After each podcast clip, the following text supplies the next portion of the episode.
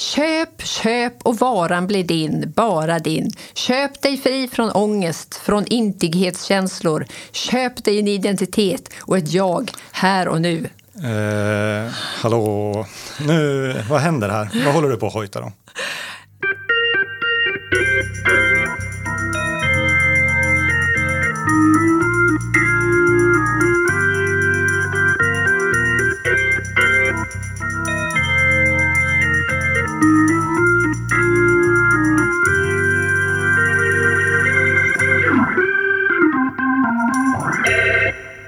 Ja, men jag läser ett citat av Bosse Bergman från 70-talet som handlar om shopping. Jaha, för att sätta tonen för dagens tema. Jajamensan.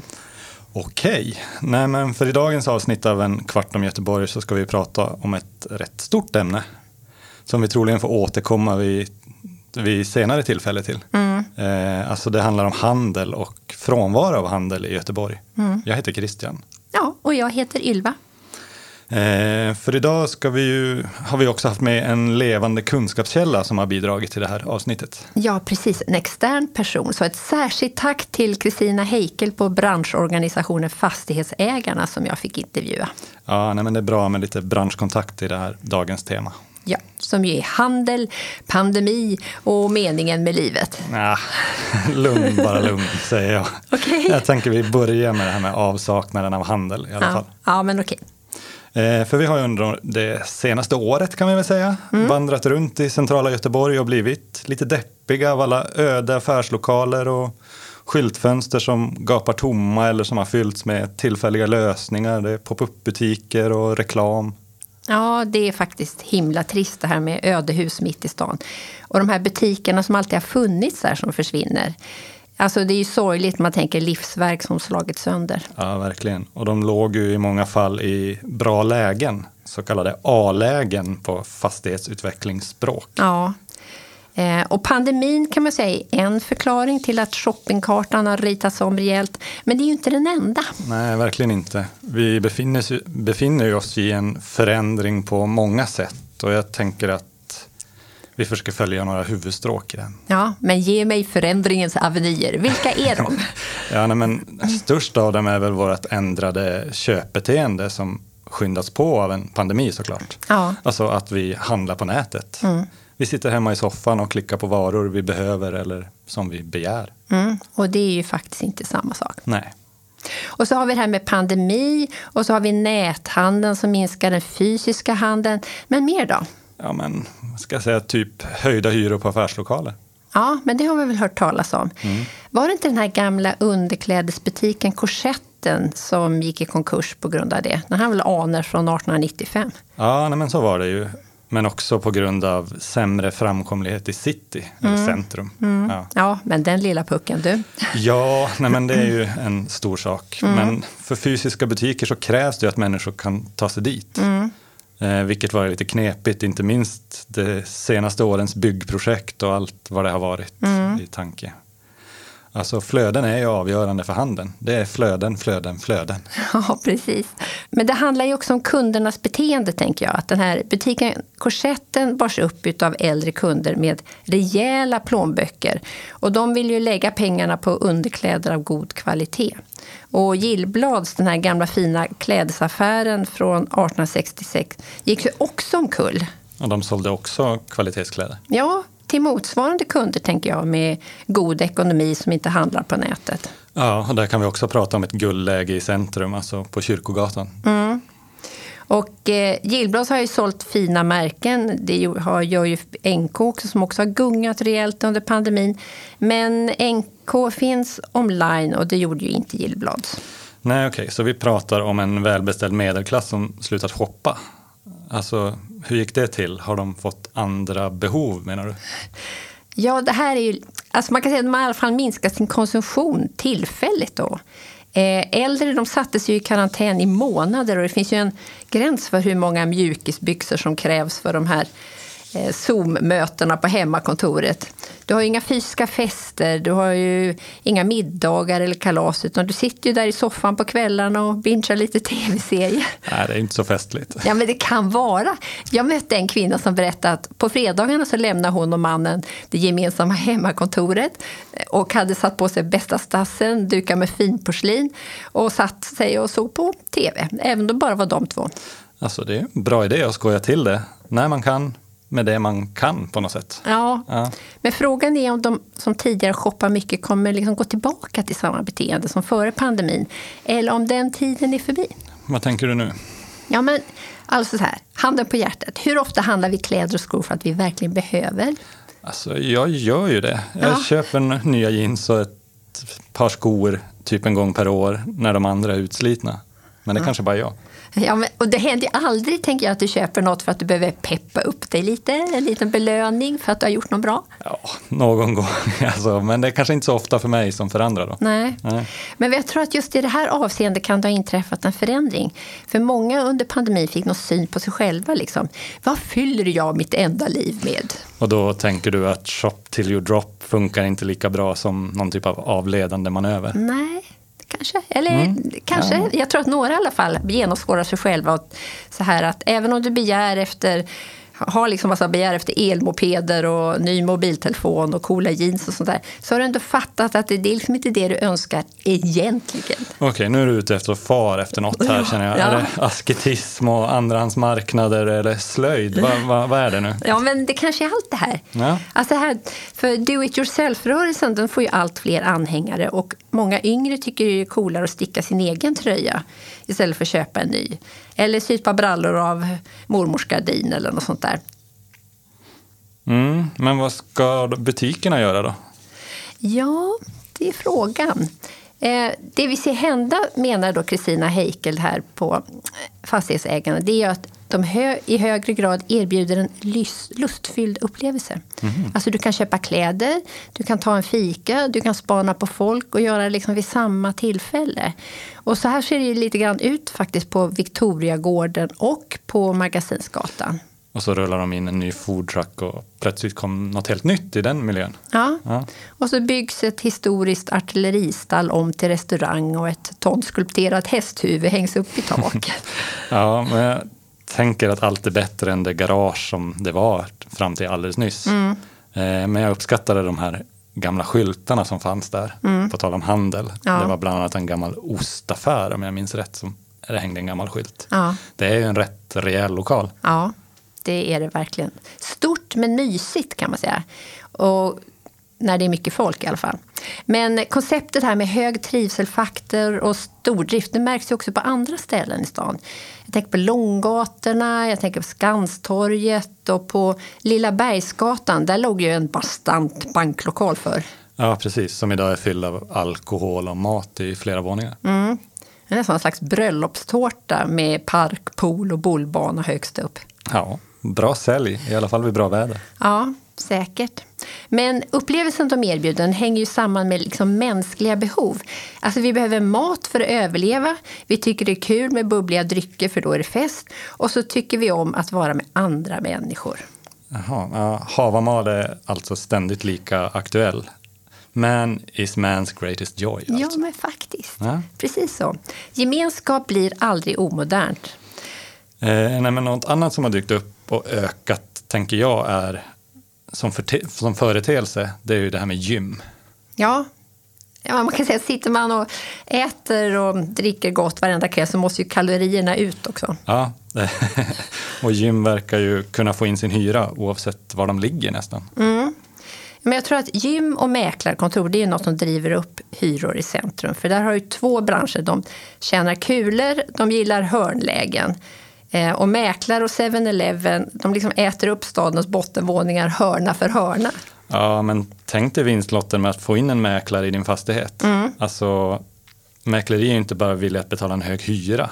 Alltså, där de varken luktar eller bullrar och det är ju aldrig någon där efter kontorstid nästan. Nej, och så drar de folk som vill kolla på bostadsannonsen i skyltfönstret och köpa någon fin sån inredningsdetalj eller ta en espresso. Och så här. Att man kan att det är en tydligt förpackad livsstil. Och jag tänker att skönhetssalonger alla de här rak och skäggstudios som har kommit, de kvalar också in i motsvarande kategori av, vad ska vi kalla dem, önskvärda hyresgäster. Mm. Men hur kustad blir det?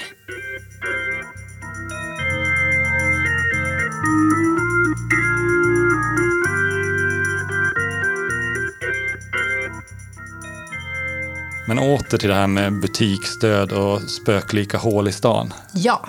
Eh, alltså, visst var det så att den gamla konstnärsbutiken Matton gick i konken här precis? Ja, precis. precis. Men, ja, ja, ganska nyligen i alla fall. Ja, men han sa ju i en artikel att han trodde att inträdet av näthandelsjätten Amazon har påverkat företaget negativt. Konkurrensen blev helt enkelt för stor. Alltså omsättningen hos Amazon är väl i storleksordningen tillräckligt för att köpa Sverige. Alltså, vi är ju en lilleputt i jämförelse med de ekonomiska musklerna. Mm. Omsättningen i det företaget steg med 900 miljarder bara under 2021. Alltså pandemiåret 2021. Ja. Ja. Alltså det är alltså en nia med 11 nollor efter sig. Ja, herregud. Ja, jag säger hej Joakim von Anka, här har du din verkliga motsvarighet. Jeff Bezos som badar i pengar och planerar för egotripper med raket. ja, och samtidigt som han planerar sin E4 till månen så påverkar hans globala imperium, alltså då överlevnaden hos Göteborgs butiker. Det är lite kusligt. Ja, det är det faktiskt. Och i vår tid så räcker det ju inte alltid att flytta dina varor till nätet. Är du en mindre handlare då får du ändå inte dina varor sålda när du konkurrerar med en sån här global jätte. Nej, och den här speglingen mellan nätet och IRL, in real life, mm. då.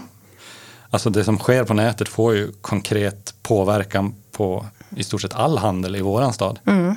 Eh, alltså den ändrar innehåll, form och gestaltning. Mm, en osynlig hand som styr. Ja, det kan man säga. Men en annan trend som vi har sett är ju de här showrooms för alla möjliga varor.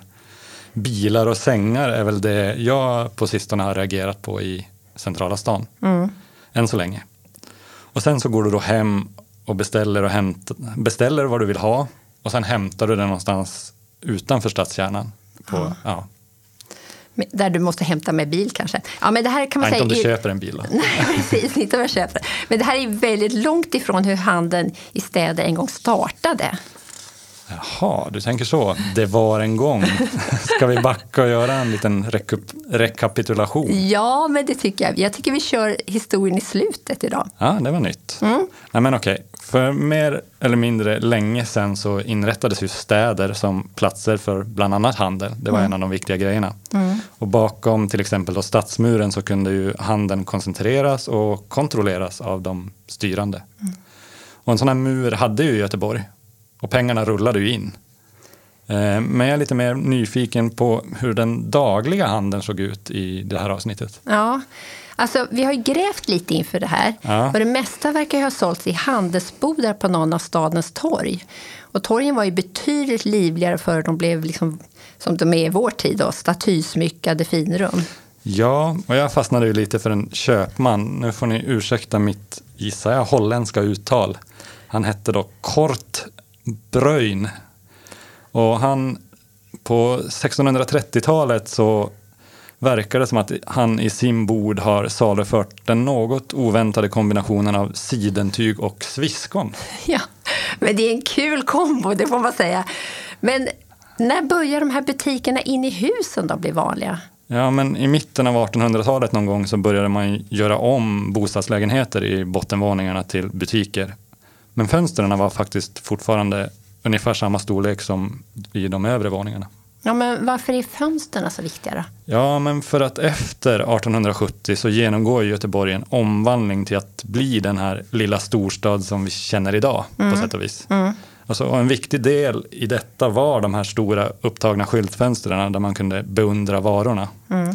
En tobaksaffär vid Östra Hamngatan hade, som det står, klart genomskinliga stora spegelglasskivor bakom vilka de rikt kolorerade amerikanska jätteplakaten pråla. Ja, det, det låter som en mycket spektakulär förändring. Men det, det var det nog. Mm.